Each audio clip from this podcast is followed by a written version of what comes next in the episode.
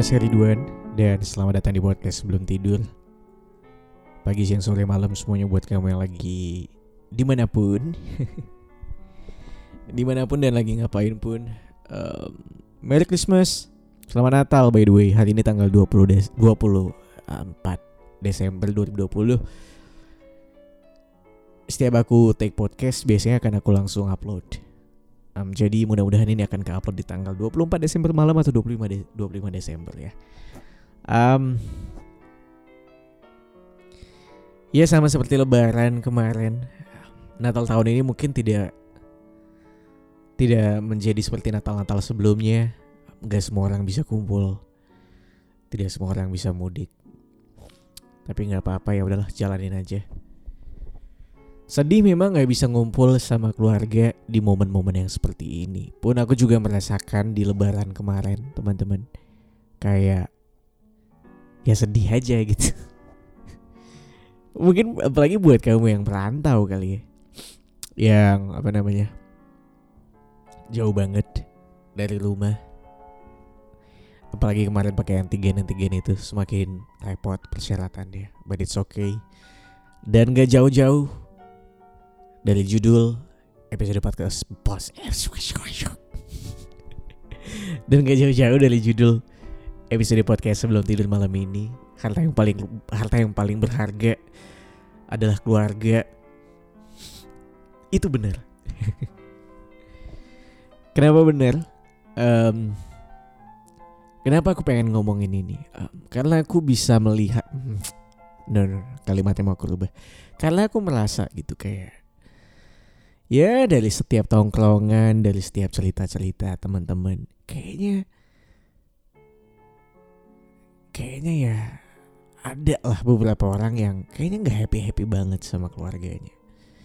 Kayaknya punya banyak banget perbedaan perbedaan perselisihan pendapat antara dia dan keluarganya. Dan gak cuma teman-temanku yang aku dengarkan ceritanya yang mengalami seperti itu. Somehow pun aku pribadi juga pernah mengalami yang namanya beda pendapat teman-teman. Sama keluarga sama orang tua um, sama kakak adik. Dan mungkin bahkan sampai sekarang masalah perbedaan pendapat cita-cita masa depan keinginan harapan. Aku bisa bilang kayaknya ada banyak sekali orang-orang atau ya teman-teman lain seumuran seumuran kita 20-an maybe yang masih aja berdebat sama keluarganya atau mungkin kayak aku tuh pengennya kuliahnya ini pak aku tuh pengennya aku tuh nggak pengen jadi ini mah problema problema anak muda. Um, sama itu terjadi juga di aku. Dengan idealisme idealismenya aku dulu waktu awal-awal masih kuliah. Aku tuh pengen jadi youtuber pak udahlah duitnya ada. Dengan percaya dirinya dengan PD-nya. Bisa kok jadi youtuber. Dapat duit banyak nih adsense-nya gede. Yakin? Jalan 2 tahun duitnya nggak ada sama sekali. Aku nggak bilang kalau oh berarti nggak boleh dong kak? Kita mengejar apa yang kita cita-cita kan no, no, no. aku nggak ngomong kayak gitu. Um,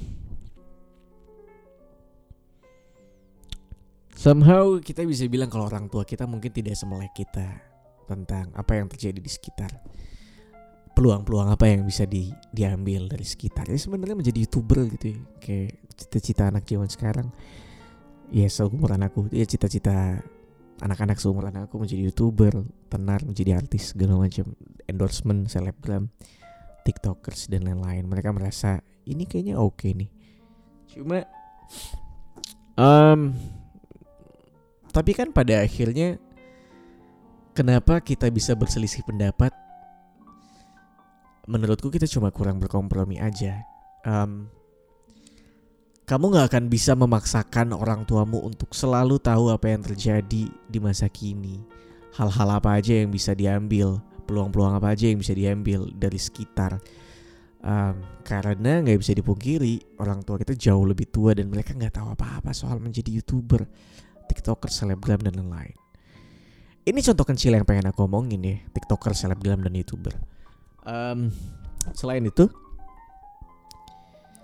kayak akhirnya banyak teman-temanku yang perkara beda pendapat sama orang tuanya akhirnya jadi tidak punya hubungan yang baik. Jadi jauh sama orang tuanya. Um, hal yang menyebalkan ya. Banget dibilang menyebalkan menyebalkan banget. But somehow dulu pun aku merasakan itu. Aku merasa kayak ah, gila aku beda sendiri ini dari keluarga aku. Bahkan sampai sekarang sebenarnya aku masih merasa kalau lifestyle pergaulan yang aku ambil sangat bertentangan dari keluarga saya teman-teman. But I'm okay with that gitu. Kayak Semakin ke sini akhirnya aku menemukan titik temunya. Semakin ke sini akhirnya aku menyadari kalau perselisihan perbedaan tuh tidak boleh dijadikan alasan untuk kamu jauh dari keluargamu. Ya karena akhirnya kayak ketika ah, nggak tahu beberapa teman-temanku tuh kayak ketika mereka berselisih pendapat berbeda pokoknya berbeda ya pokoknya kayak punya cara hidupnya yang berbeda sama orang tuanya sampai akhirnya itu ngebuat mereka jadi bentrok sama keluarga mereka. Well gak ada salahnya kamu memilih jalan yang kamu mau gitu. Cuma kalau untuk jauh dari keluarga karena kamu memilih jalan yang kamu mau itu salah. Aku bisa bilang itu salah. I don't know ya. Ya terserah um, for me itu salah mungkin ada beberapa orang yang merasa enggak aku nyaman-nyaman aja jauh dari orang tua. It's okay. Maksudnya terserah kamu kamu mau mengambil jalan yang mana. Sekali lagi that's my opinion kamu mau ikutin apa enggak terserah. Um, kenapa aku bilang itu salah? Um, kadang kita merasa ya ketika kita bentrok sama keluarga kita kita merasa toh kita juga nggak butuh-butuh amat mereka. Masih ada teman-temanku masih ada sahabat-sahabatku masih ada pacarku. So kalau aku ada apa-apa I'm okay. I'm gonna be okay. But somehow hal yang paling aku rasain nih kayak selama aku hidup I'm still young 24 tahun um, pada akhirnya yang menghidupimu ini kalau kita mau hitung-hitungan persentase dari kamu lahir sampai kamu gede pada akhirnya yang menghidupimu itu cuma keluargamu. Orang yang paling punya pengaruh besar dalam menghidupi keluargamu tuh kamu gitu. Itu satu dasar yang aku ambil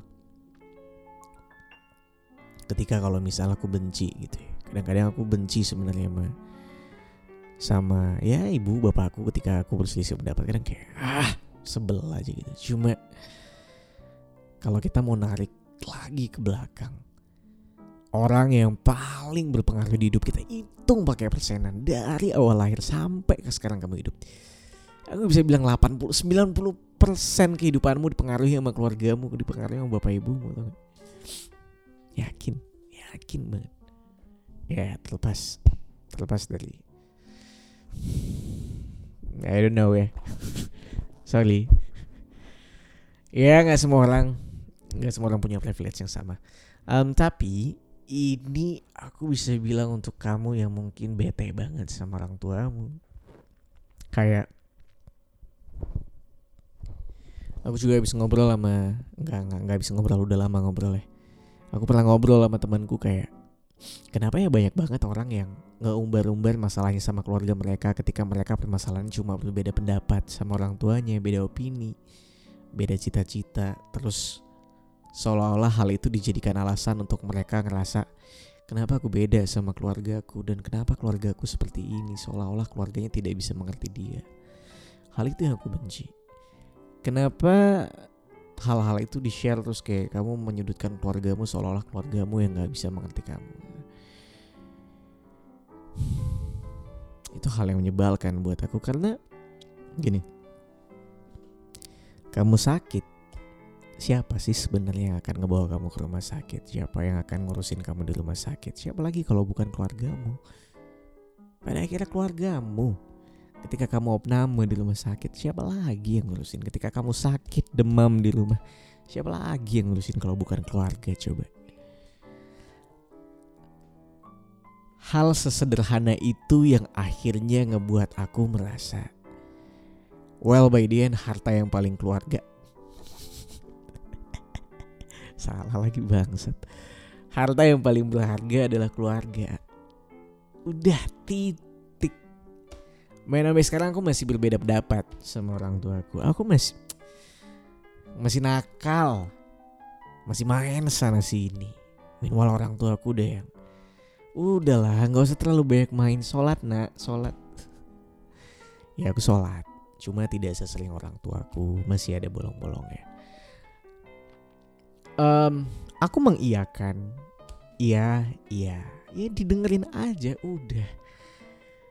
Men ketika kamu berbeda pendapat sama orang tuamu soal pilihan jalan hidup hal yang aku bisa bilang sebenarnya ya sebenarnya banget.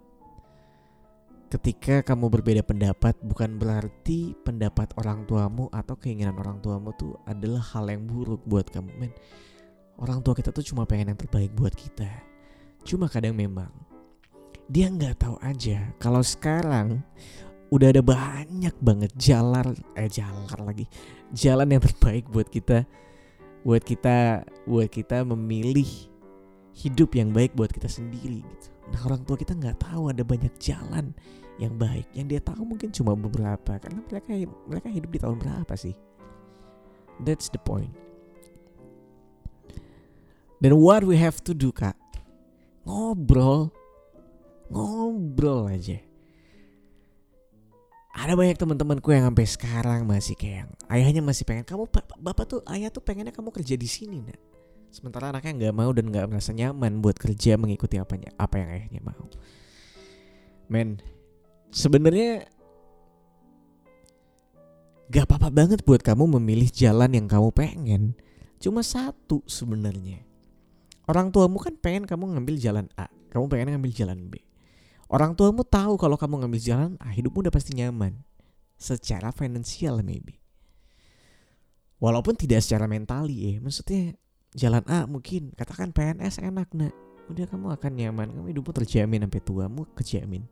Mungkin mentali kamu gak nyaman, kamu lebih nyaman di di swasta yang kerjanya pakai baju bebas katakan. Inilah permasalahan ya seumuran seumuran saya ya. Sebenarnya nggak apa-apa banget kamu mau ngambil kerjaan yang mungkin tidak sesuai sama yang orang tua kamu mau. But at least tunjukin tunjukin kalau kamu bisa happy secara finansial dengan kerjaan yang kamu mau. Ya nggak bisa secepat itu dong kak. Well nggak apa-apa. At least kamu bisa ngebayarin mereka makan di malam minggu atau dua minggu sekali aja atau beliin mereka apa kayak kayak bu ini aku beliin ini ya ini duit dari kerja aku at least mereka tahu kalau anaknya bisa hidup dari situ. Udah sesederhana itu. Sesederhana itu. By the end orang tua orang tua tuh cuma pengen ngeliat kita happy, bahagia, hidup baik. Dan caranya nunjukin seperti apa? Ya seperti itu. Kayak nih, saya sudah bisa hidup seperti ini dengan jalan yang saya pilih kalau kamu merasa merasa belum sukses kak masih ini ya udah nggak apa-apa pelan-pelan dulu. Cuma at least dikompromiin dikompromi ngobrol lah makan malam. Cerita cerita cerita ajak makan malam bayarin di mana kek? Apa kek? Pada akhirnya satu hal yang paling bisa untuk ngebuat kita mengerti satu sama lain aku akhirnya percaya banget kalau kompromi kompromi kompromi adalah jalan paling tepat untuk bisa ngertiin satu sama lain. Just it man, cuma itu doang. Anyway, kenapa aku ngomongin soal harta yang paling berharga adalah keluarga? Um, Aku sebenarnya udah ngomong di episode sebelumnya, cuma akhirnya aku recall lagi beberapa hari yang lalu kayak um, FYI Aku dari Pontianak Kuliah di Jogja selama 6 tahun lebih. 6 tahun lebih aku pulang ke Pontianak cuma setahun sekali. Dan dalam setahun sekali ketemu orang tua aku cuma dalam waktu 3 minggu maybe selama-lamanya anak kuliah libur. Dan itu cuma terjadi setahun sekali. Atau kadang-kadang dua tahun sekali. Kalau kita mau dibandingin dengan satu tahun 360 hari. Hari di mana aku ketemu orang tuaku dan hari di mana aku tidak ketemu orang tuaku selama enam tahun. Itu jauh banget perbandingannya. Dan ketika aku pulang dari kuliah balik ke Pontianak sebulan niatnya eh aku harus cabut lagi ke Jakarta buat kerja. Dan sedih banget. Karena ibuku ngomong baru aja pulang udah harus pergi lagi sedih banget dan hal yang ngebikin aku sedih lagi adalah kayak akhirnya aku menyadari kalau selama ini keluarga aku tidak pernah ngumpul lengkap di rumah dalam artian Ayahku kerjanya pindah-pindah, selalu jauh dari rumah Pontianakku walaupun dia bisa pulang seminggu sekali. Well, itu pun cuma seminggu sekali. Cuma ada waktu dua hari. Dalam satu minggu untuk mereka bisa ketemu. Itu paling ketemunya cuma ketemu ibuku, ayah, ibuku, dan adikku. Abangku pergi jauh juga. Tempat kerjanya jauh, dia juga dulu pernah kuliah di Jogja, jadi kita nggak pernah yang namanya ngumpul lengkap sekeluarga selama 15 tahun lamanya. 15 tahun men. Gak ada momen di mana kita tuh bisa ngumpul lengkap ayah, ibu, abang, saya, adik. Berlima ngumpul lengkap serumah dalam waktu yang setiap hari setahun lamanya katakan. Gak ada. Kita paling ketemu kalau misalnya lebaran doang. Udah habis itu ngurusin hidup masing-masing lagi. And then belakangan ini ayahku sakit tiga minggu setelah aku berangkat ke Jakarta ya aku masuk rumah sakit um, diabetes um, sampai sekarang masih sakit belum begitu sembuh lagi di tahap recovery um, di momen itu aku kayak gila ya aku udah cabut selama berapa tahun lamanya almost seven years. Dan bahkan di momen-momen ayahku sakit aku nggak ada di sebelahnya. At least buat nuntun dia jalan karena dia jalannya udah susah karena kakinya sakit. Hal yang sedih sedih banget. That's why aku bilang kalau kamu ngerasa lagi nggak oke okay hubunganmu sama keluarga kompromiin men. Kompromiin men waktu tuh nggak bisa. Ketika orang selalu nanya Wan kado ulang tahunmu apa? I just need your time. Aku cuma pengen aku ada waktu nge-spend time waktuku bersama kamu yang tersayang. Dan akhirnya aku ngerasa kalau ada banyak waktu yang aku lewat tidak. Yang aku lewatin untuk tidak bersama ibu bapakku dan dan abang dan adikku untuk bisa ngumpul lengkap. nah, that's the hardest part sih um, kompromi lah kalau kamu ngerasa hubunganmu gak oke sama keluargamu kompromi aja men satu-satunya kunci cuma kompromi That's it. Itu aja yang bisa aku sampaikan di episode kali ini 19 menit. Well, kita ketemu lagi di minggu depan.